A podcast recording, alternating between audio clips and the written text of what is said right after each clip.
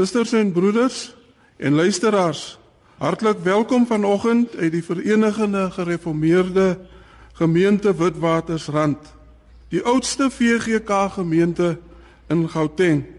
Gestig 1892, herdenk haar 122ste bestaanjaar vanjaar.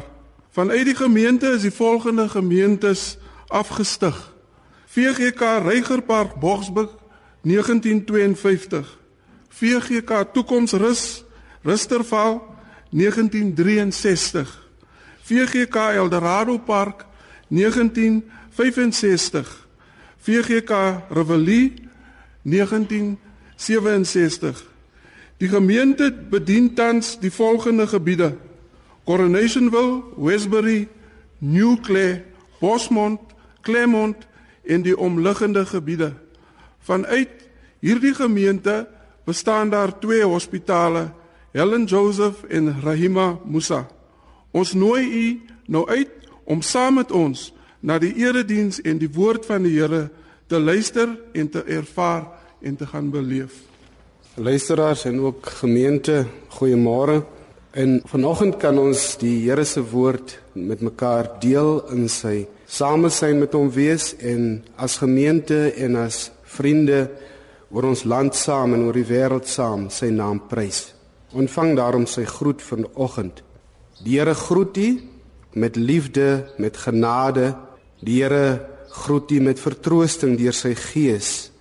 En die Here groet u met die wonder van sy seun Jesus Christus wat vir ons gesterwe het en opgestaan het. Amen. Kom ons bely vanoggend ons geloof en ons spreek die apostoliese geloofsbelijdenis.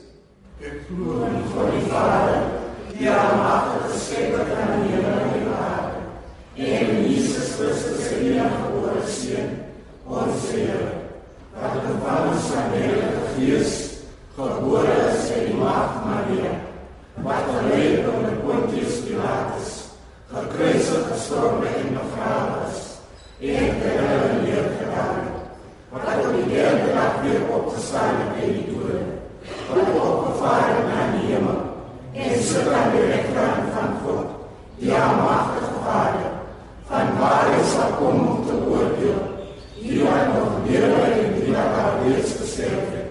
Ek glo in die Heilige Geest, ek glo in die Heilige Algemene Christelike Kerk, die gemeenskap van heiliges, die vergeving van sondes, die opstanding van die vlees en in eeuwige lewe. Amen.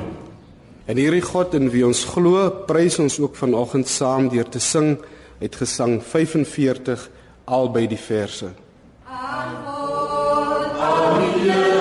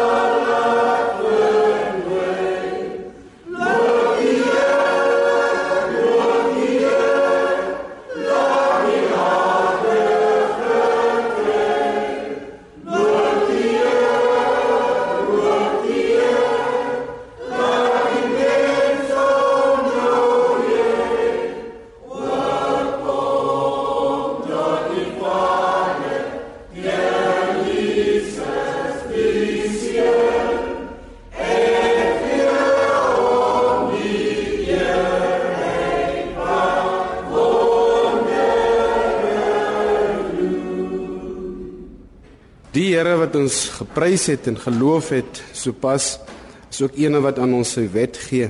In die Here Jesus Christus vat dit saam in Matteus 22 vers 37 tot 40 waar hy sê jy moet die Here jou God lief hê met jou hele hart en met jou hele siel en met jou hele verstand. Dit is die grootste en die eerste gebod en die tweede wat hiermee gelyk staan is jy moet jou naaste lief hê soos jouself. In hierdie twee gebooie is die hele wet en die profete saamgevat. En wanneer ons die wet van die Here hoor, kan ons besluit dat ons voor God ons skuld erken en bely en hy beloof ons hy's getrou en regverdig en hy sal ons vergewe. Maar ons moet ook na die wet van die Here kyk in die opsigte dat dit 'n mooi wet is, 'n goeie wet is.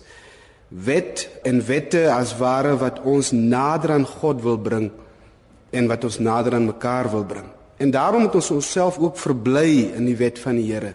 Dat die Here sê ons moet hom lief hê met ons hele hart en met ons hele siel en met ons hele verstand. Ons moet dit wil doen, maar ons moet ook ons naaste wil lief hê soos ons onsself liefhet.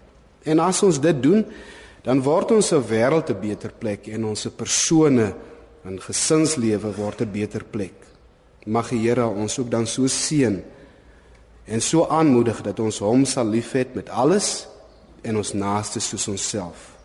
Die gedeelte wat ons vanoggend met mekaar saam lees gemeente en ook luisteraar kom uit Johannes hoofstuk 2 vers 13 tot vers 17. Johannes 2 vers 13 tot vers 17.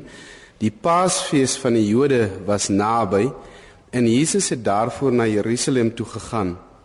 Op die tempelplein het hy die verkopers van beeste, skape en duwe gekry en die geldwisselaars wat daar sit. Toe het hy met toukies 'n sweep gemaak en almal uit die tempel uitgejaag, ook die skape en die beeste. Die geld van die geldwisselaars het hy op die grond gegooi en hulle tafels omgekeer. Vir die mense wat die duwe verkoop het, het hy gesê: "Vat hierdie goed hier weg. Moenie die huis van my Vader 'n besigheidsplek maak nie." Toe het sy disippels daaraan gedink dat daar geskrywe staan: Die liefde vir die huis verteer my. Ons gaan ons saam bid en ouderlings Susan Jacobi gaan ons lei in die gebed. Dankie Here vir u teenwoordigheid. Ons dank u Here dat u ons nooit met rus laat totdat ons rus in u gevind het nie. Ons vra dat u die woord sal seën en ons deur u gees sal lei sodat ons gehoorsaam sal wees teenoor die woord. Amen. Die tempel was 'n besonderse plek in die lewe en bestaan van Israel. Die tempel het 'n groot plek ingeneem in die stad self. Dit was die duurste en die mooiste gebou. Maar dit het, het ook 'n baie besonderse plek in die harte van mense ingeneem, in die dat dit die kosbaarste en mooiste plek gewees het. Want rondom die tempel het soveel dinge gebeur die verheerliking van God, die aanbidding van God en dan ook die bring van offers by die tempel. In die ryk mense kon skape en beeste offer. En die armes het ook die geleentheid gehad om ook offers te bring. Hulle kon offers bring as sondoffers en brandoffers in die vorm van duwe. En dan was daar nog 'n saak wat ook by die tempel die aanbidding en die bring van offers 'n rol gespeel het was dat Alle volwasse persone moes 'n tempelbelasting betaal en omdat Judea op die stadium onder beheer van die Romeine gewees het, kon hulle nie met Romeinse geldeenhede die tempelbelasting betaal nie, want daar was beelde op die geldstukke. Met ander woorde, hulle moes dus eers die Romeinse geldeenhede verwissel om Joodse geldeenhede te kry en dan so hulle tempelbelasting te betaal. En dit was die tempel en dit was die Paasfees wat naby gewees het, die offerbring was in swang, die aanbidding was in swang en almal was besig om hulle godsdienst te beoefen. En hier kom Jesus net voor die Paasfees en Jesus kom krap alles om. Hy krap letterlik die hele saak van offers bring, die hele samesyn krap hy daai dag om. En die groot vraag is waarom sou Jesus so radikaal optree? Waarom sou hy dinge omkrap? Dinge wat goed lyk van buite af, dinge wat normaal lyk van buite af. En daar is hoofsaaklik twee redes waarom hy dit doen. Die eerste rede is Jesus is teen die misbruik van God en die naam van God of godsdiens in die naam van God waar God nie vereer word. Jesus is teen dit dat mense God gebruik of selfs hulle geloof gebruik maar hulle gebruik dit nie om God te dien nie, eerder om hulle self te dien. Met die bring van offers, met die tempelaanbidding, het daar groot besigheid ontstaan want mense het van heinde en ver gekom en baie van die mense wat na die stad toe gekom het en gekom het byvoorbeeld na die Paasfees toe, het nie noodwendig met die skape en die beeste en die duwe van heinde en ver af gekom nie. Hulle het dit juis in Jerusalem kom koop. En so het 'n baie groot mark ontstaan. Groot besigheid het begin. En die hoëpriesters en die tempelamptenare wat in beheer van die tempel gewees het, het dus 'n aandeel in die groot besigheid begin kry. En baie van hulle het later aan dit begin ervaar dat die besigheid so goed doen, dat dinge so wonderlik gaan in terme van die besigheid dat hulle dit begin vergeet het dat hulle eintlik meer begin gaan het na die tempel toe vir hulle besigheid, hulle winste die finansiële voordele en die welvaart wat hulle daaruit kon kry in steede dat hulle gegaan het om God te aanbid. Godsdienst het 'n mark geword. En daarom kom Jesus op hierdie dag en hy krap alles om en hy sê in vers 16 van Johannes 2: Moenie die huis van my Vader 'n besigheidsplek maak nie. 'n Mark. 'n Mark waar mense meer besorg is oor die beste produk wat ek kan kry, die die beste winsie wat ek kan kry, die beste wins wat ek miskien kan maak. Nie meer hoofsaaklik die aanbidding van God nie, maar 'n besigheidsplek. Dis waarom alles begin gaan het.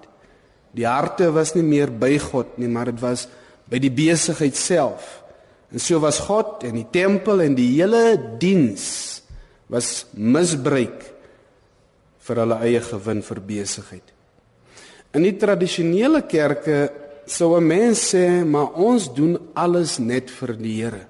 En die Here en die verkondiging van sy woord is vir ons die hoofsaak. Miskien het ons ook so gemaksigtig begin word soos die Jode destyds in die tempel totdat Jesus alles begin omkrap het. Miskien is ons ook so gemaksigtig vandag dat ons glo ons se kermisse werk goed en ons danse soms om fondse in te samel, werk goed en ons hou 'n bazaar hier en daar. En baie kere doen ons al hierdie dinge omdat ons juis nie ons beursies en ons eie harte regtig wil oopmaak nie. En dit lyk vir ons normaal. Baie kere mis ons onsself in die reël van die kermis, in die organisering van die dans of die bazaar. En alles begin wentel daarom en ons hardloop kerk toe en ons hardloop na hierdie dinge toe, maar ons harte is ver van die Here af. In die ontleikende kerke, die moderne kerke, soos die mense dit noem deesdae, die welvaartsgodsdienste en so aan, gebeur dit baie dikwels vandag dat mense godsdiens gebruik eerder om hulle self te dien as om God te dien. Mense gaan kerk toe, wille Christen wees, nie omdat hulle noodwendig God so baie liefhet nie of soveel omgee en die verzoening van Christus so aangryp nie, maar heel meer omdat hulle rykdom soek, omdat hulle materiële welvaart wil hê.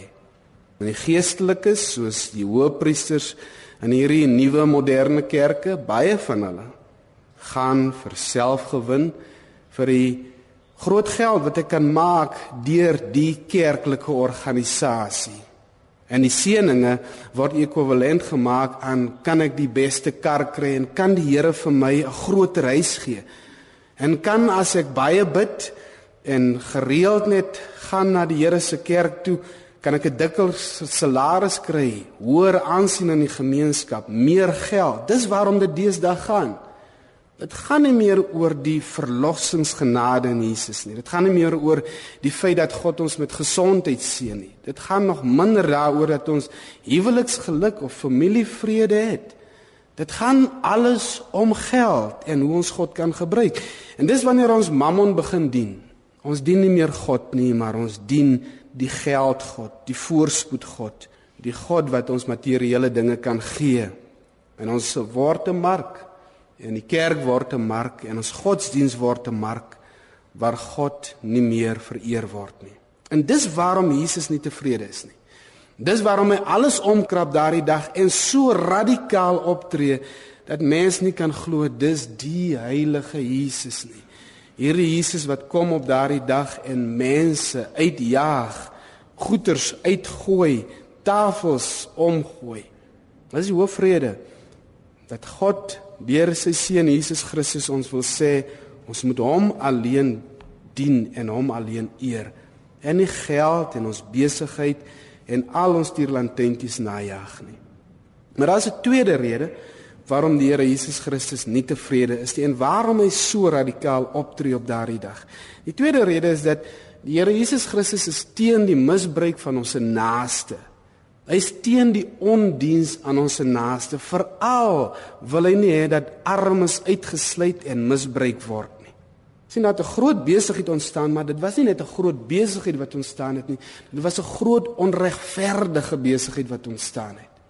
Want omdat die mark aanvraag so groot gewees het, elkeen wou miskien 'n duifie koop, hierdie ene wil 'n skaap koop en daai ene wil 'n bees koop, was die pryse toenemend opgestoot en die ewige markpryse het begin ontstaan. En die onkundiges, die mense wat arm gewees het en nie so goed die pryse en die stelsels verstaan het of nie die beste handelaar geken het en so aan nie, was verneek, letterlik in die tempel beroof. En die persoon wat nie geweet het watter 'n geldwisselaar is die beste persoon of kan hom die beste aanbod maak nie, moes astronomiese pryse betaal net om die regte geldeenhede te bekom. En in die tempel was mense wat die Here gesoek het, was hulle met glimlagte beroof. En dis wat die Here se hart gebreek het daardie dag dat hy so radikaal opgetree het en gesê het: "Vat hierdie goede hier weg. Moenie die huis van my Vader 'n besigheidsplek maak nie." Vir niks 'n plek maak, 'n mark waar mense verkil word maak nie. Toe die Here Jesus Christus die tweede keer die tempel reinig, vertel Matteus vir ons dat die Here Jesus Christus gesê het in Matteus 21 vers 13: Daar staan geskrywe: My huis sal 'n huis van gebed wees, maar julle maak dit 'n rowersnes. 'n Rowersnes. Met ander woorde, naas die gebruik van die woord besigheidsplek sê die Here iewers ook gesê ons mense was besig om die tempel 'n rowersnes te maak. Met ander woorde die tempel was nie meer 'n plek waarheen mense kon gaan om genade te ontvang nie. Dit was nie meer 'n plek waarheen mense kon gaan om liefde te ontvang nie. Dit was 'n onvormde plek waar daar nie meer omgegee was vir mekaar nie. Die naaste liefde was nie meer daar nie. Dit het 'n rowersnes geword. En elkeen wat daar ingestap het, was as ware die byt van hierdie rowers. En die tradisionele kerke as ons dit moet toepas op onsself, is dit tog nie so dat ons ook half 'n rowersnes geword het.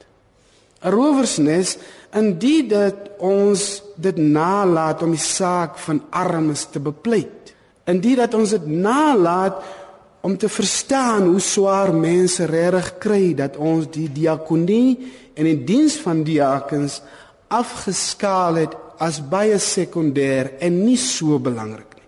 Is dit nie dat ons ook half 'n rowersnes geword het nie? Want wat dink die persoon wat in 'n plakkerskamp langs ons as gemeente bly of nie ver van ons kerkgebou af is nie? Dink hy ons is die mees opregte kinders van God as ons nooit eers vir hulle omgee nie? Maar ons gee om vir ons kerkgeboue wat ons der duisende rande aan onderhoud kos elke jaar en ons kan nie eers vir daai persoon in die plakkerskampie een blikkie vis gaan gee. Het ons nie maar 'n rowersnes ook geword mense wat nie omgee van die armes nie en ons sluit ons oë en ons druk ons ore toe en ons is doodtevrede solank ons in groot vrede kerk kan hou. Net soos die Jode destyds, solank dinge aangaan en die status quo heers en ons doen dinge soos ons normaalweg gewoond is, het ons vrede. En ons dink die Here het ook vrede met ons En die Here het nie. Daarom is die Here Jesus Christus daardie dag kwaad en seer en gebroken dat hy so radikaal optree dat hy as ware vir die Jode wil wys en sê ek is nie tevrede nie. Hy is ook nie met tevrede met ons waar ons in rustigheid wil aangaan en vergeet dat soveel armes dit so swaar het nie. En is die Here tevrede met die ontleikende kerke en die welvaartsgodsdiens? Ek glo ook nie. Daar's soveel skemas en soveel projekte wat geloods word en elke dag hoor 'n mens van iets nuuts, 'n nuwe skema, 'n nuwe manier, iets wat gedoen word wat die Here jou kamstig finansiëel, materieel gaan bevoordeel. En ons weet meeste van die skemas verryk maar net die pastoor of die predikant of die priester van daardie kerk. Meeste van die skemas. Meeste van die kere word mense nooit die hand na uitgereik Die hand word eerder uitgereik om nog meer geld uit hulle sakke uit te vat sodat pastoor en dominee en priester of ouderling die mooiste van karre kan ry. Mense se hoop word opgebou, maar hulle laaste sen word van hulle afgesteel. En dis wat die kerk ook half geword het. Ons het geword deur die wêreld deur 'n kerk wat van die mense steel, roof. En aan die einde van die dag sê die Here vir ons, ek is nie tevrede nie. Ek is nie tevrede dat julle julle arme onskuldiges so 'n ondiens aandoen nie. En dis die hoofredes waarom die Here Jesus Christus op daardie dag so radikaal opgetree het dat die tempelamptenare en selfs die hoofpriester dit nie kon geglo het dat dit Jesus is nie. En dat ons dit baie moeilik kan verwek dat ons se Here Jesus Christus so radikaal kan optree en so alles kan omkrap.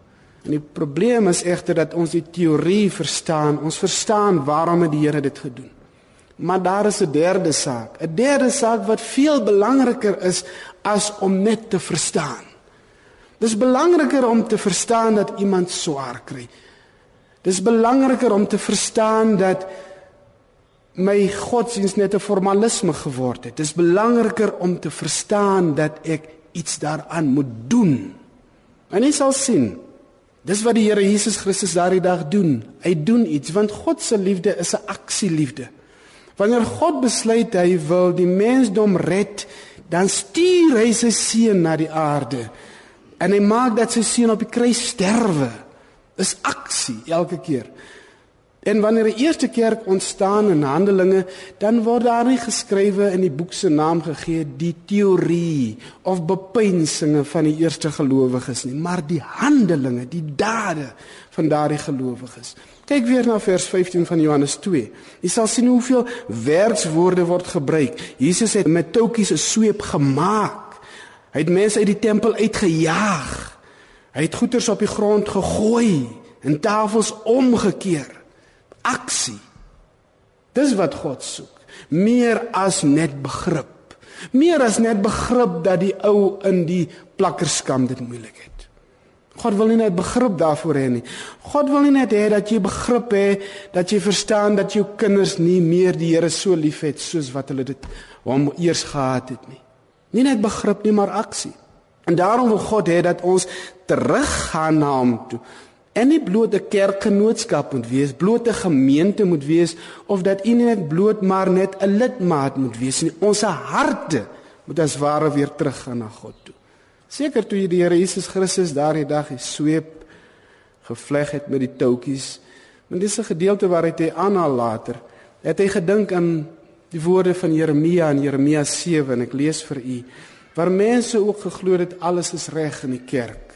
Ons is in die tradisionele kerke, die kerke met die regte leerstellings. Ons is in die moderne kerke wat die wêreld oorneem as ware. So ons moet reg wees. In Jeremia 7 vers 4 sê die profeet: Moenie julle vertroue stel in leuns nie. Moenie vir julle sê ons is veilig. Dit is die Here se tempel, dit is die Here se tempel, dit is die Here se tempel nie. Julle kan mos nie vals ede af lê, wierookoffers vir Baal bring, ander gode dien en vir julle wat julle glad nie ken nie en my dan ook nog in hierdie tempel wat na my naam is genoeg genoem is kom dien en sê ons is veilig nie. En dan gaan julle maar voort met al hierdie gruwelike dinge. Hoe kan ons so formeel geword het dat ons nie meer saamstem in liefde en in ywer oor die diens van die Here nie? Wanneer daar gebid word, dan sê ons nie eers meer in absolute samestemming ja, amen nie. Wanneer daar iets gedoen moet word vir die Here, dan doen ons dit met traagheid, met liefdeloosheid. Dat ons altyd aangepor moet word om iets te doen. Moet ons nie ook begin swepe maak vir onsself nie. Toutjies begin vat. In ons huisgesinne begin sit en sê, "Maar kyk, waar is my gesin? Kyk hoe ywerloos is hulle vir die Here." Moet ons nie self in ons familie swepe begin maak en dit selfs gebruik nie En as ons kyk na waar ons families is en die gemaksig dat die ywer en die lus vir die Here totaal verdwyn het. Moet ons nie iewers begin hard praat soos die Here Jesus Christus daardie dag hard gepraat het, want daar is so baie mense wat ook maar net die kerk van die Here wil gebruik. Ons wil graag uit die kerk uit trou sodat almal kan sien ons is mooi Christene en ons wil graag die belydenis van ons kinders se aflegging sien of ons kinders moet aangeneem word omdat ons as mooi gelowiges gesien moet word. Terwyl ons besig is met al hierdie dinge, met die troureëlings, met die belydenisaflegging, die aanneming en alles is God so ver in die agtergrond dat ons niks meer omgee van hom nie. En ons sien ons is besig met dinge wat vir ons 'n besigheid is, maar nie vir God 'n besigheid is nie. Waar hy nie meer sentraal is nie. Moet ons nie miskien rof raak, baie rof begin raak en radikaal begin raak soos Here Jesus Christus nie. In ons jeugkampe wat ons reël waar ons weet alles gaan oor die kamp en nie meer oor God in die kamp. Moet ons nie meer begin vir onsself sê ons reël die mooiste en die grootste konferensies, ons het soveel mense wat dit bywoon en ons verkoop der duisende boeke en CD's en wat ook al en ons het die beste van sprekers, maar aan die einde van die dag mis ons steeds net vir een, God want dit word ons besigheid. Moet ons nie weer die liefde vir God terugkry dat dit in ons harte brand. Brand meer as dit ons besorg is oor selfs die trou en die mooi huwelikseremonie, selfs minder besorg is oor die partytjie wat ons gaan hê na die aanneming of die belydenisaflegging. Moet ons nie meer sê dit moet net om God en God alleen gaan nie. Of wil ons die duwe as belangriker ag en die beeste en die skape as belangriker ag. God sê dat gehoorsaamheid is beter as brandoffers. Moet ons die tweedens die strukture ook begin uitdaag wat ons se naaste so seermaak nie. En daar is baie. Jeremia sê ook daarvan. Hy sê moenie julle vertroue stel in leuns en julle sê ons is veilig Dit is die Here se tempel, dit is die Here se tempel, dit is die Here se tempel. Soos ons as ware sê ons is in die kerk, ons is in die kerk, ons is in die kerk, behoort aan 'n kerk, behoort aan 'n kerk, behoort aan 'n kerk. Maak liewer julle lewe en julle dade reg, doen aan mekaar wat reg is. Moenie vreemdelinge, weeskinders en weduwees onreg aandoen nie. Julle kan mos nie steel, moor, egbreek pleeg en dan en my dan nog ook in hierdie tempel wat na my naam is genoem is, kom dien en sê ons is veilig nie. En dan gaan julle voort met al hierdie gruwelike dinge. Met hierdie huis wat na my naam genoem is vir julle 'n rowerspelonk geword. Die kerk het so onwillig geword. Jy weet ons hou klassiese ringsittings, sinodes vir dae, vir nagte, vir naweke, vir weke soms aan een. En ons spreek nooit die brood en botter sake reg aan nie. En ons teoretiseer en ons het die beste en die mooiste teologiese beredenerings oor alle sake.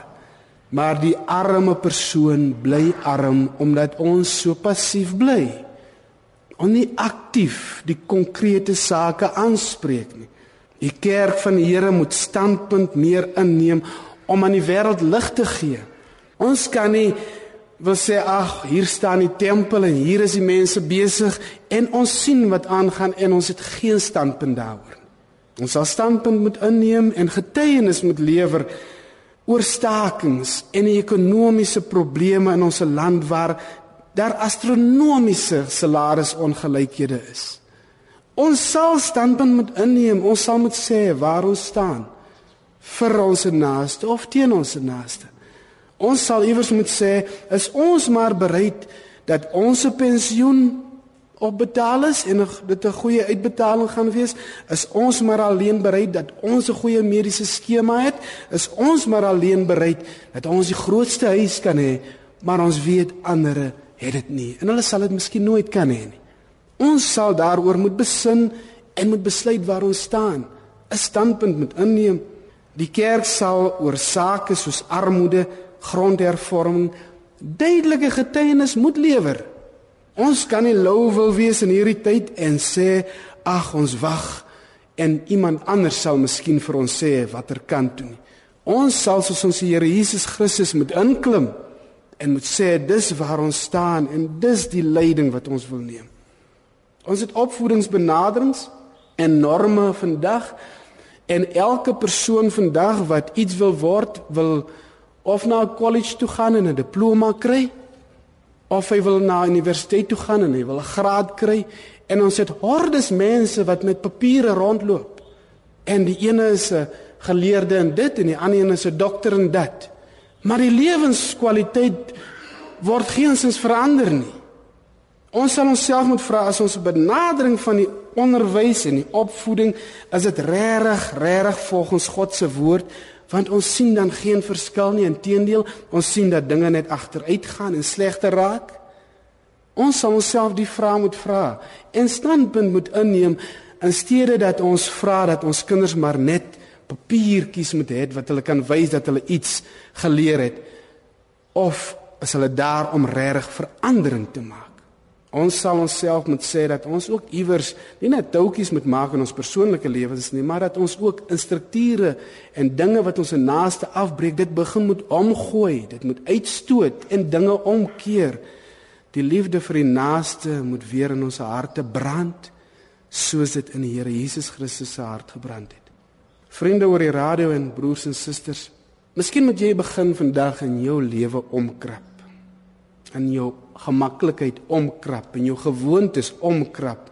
En daardie valse sekerheid wat jy soms so koester, moet jy omkrap. Die sanderige fondamente wat jy in jou lewe so diep gegrawe het, moet jy begin omkrap. Die ongefokusheid wat jy het teenoor die Here se diens, moet jy begin omkrap. Daai halfhartigheid wat jy soms het, moet jy begin omkrap. Maak vir jouself 'n sweep. Al moet jy jouself omgooi, jouself neergooi vir voor God en sê Here sover het ek gedwaal van U af en my eie besigheid het belangriker geword as U. Kom en neem U weer die sentrale punt in my lewe in. Nou iewers met ons miskien regtig die onregverdige bestaansordes waar armes en weduwees uitgesluit word verneek word En waar hulle geen kundigheid het, geen vermoë het om dit self aan te spreek nie. Miskien moet ons soos die Here Jesus Christus begin inklim en sê ons moet dinge regmaak en dinge omgooi en nuwe dinge weer laat opstaan wat hierdie mense ook kan bevoordeel. Aan die einde van die dag as jy dit gaan lees, dan sal jy sien al wat God vra is 'n nuwe hart. 'n Nuwe hart tot hom, 'n hart wat brand vir God, maar ook 'n hart wat brand vir my naaste. 'n nuwe diens aan God, maar ook 'n nuwe diens aan my naaste. Sodat wanneer die mense eendag van ons praat as gemeente of van jou wat vandag luister na hierdie woorde, dat die mense sal sê die liefde vir die Here het daardie gemeente verteer. Dat mense sal sê die liefde van die Here daardie persoon wat daardie dag die boodskap oor die radio gehoor het, so verteer. Want dis wat die disippels van die Here Jesus Christus opgemerk het toe hulle sien dat hy so radikaal intree en so 'n nuwe verandering wil bring dat hulle gesê het die liefde vir die huis verteer my. Dis wat ons in Jesus sien. By ons moet dit meer wees laat die liefde vir God ons verteer. Laat dit ons verteer dat ons ons gesinne bring net na God toe en onsself net na God toe nie na ons besigheid toe. Laat dit ons so verteer dat ons dit wat ons vir onsself gun, ook so graag vir ons naaste wil gun, al moet ons ons uit, uit ons pad uitgaan daarvoor. Mag die Here u seën. Amen. Ons gaan vra dat ouderling Mek van Wyk ons lei in die gebed. Vader van ons Here Jesus, ons sê baie dankie vir môre Here dat ons kon geluister het na u woord. Baie dankie liewe Here vir ons leraar wat u gebruik het vir môre. Here om hierdie woord aan ons te bedien en ook aan ons luisteraars wat dit sal hoor vanmôre. Ons wil in besonder bid, liewe Here, dat die seën daarop sal rus. Ons wil ook vanmôre bid, liewe Here, vir Radio Sonder Grense, dat die Here hulle bestuur en die personeel sal seën, Here, wat bemoeid is met die uitsending, liewe Jesus, van u heilige woord vanmôre. Waar hulle dit ook al kan bereik, liewe Here, dat God se seën op u heilige woord sal rus vanmôre en elke luisteraar 'n seën daaruit sal put. Baie dankie ook vir ons vanmôre as gemeente dat die Here vanmôre vir ons kom seën het. En nou wil ons bid liewe Here dat U ons saam met ons in hierdie dag sal gaan. Ons vra alles in Jesus wonderlike naam met baie dankseggen. Amen. Amen. Gemeente en luisteraars, daar's 'n danklied wat ons nou aan die Here opdra. Ons sing saam met gesang 289 en ons sing albei die verse saam. Gesang 289.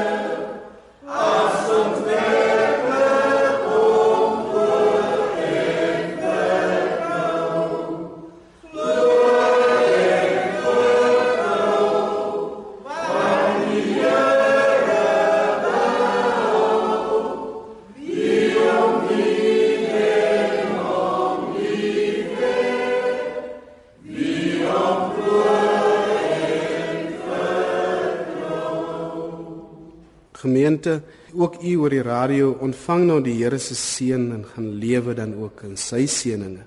Die genade van ons Here Jesus Christus, die liefde van God ons Vader en die troostvolle gemeenskap van sy Heilige Gees gaan en bly met elkeen. Amen. Yeah.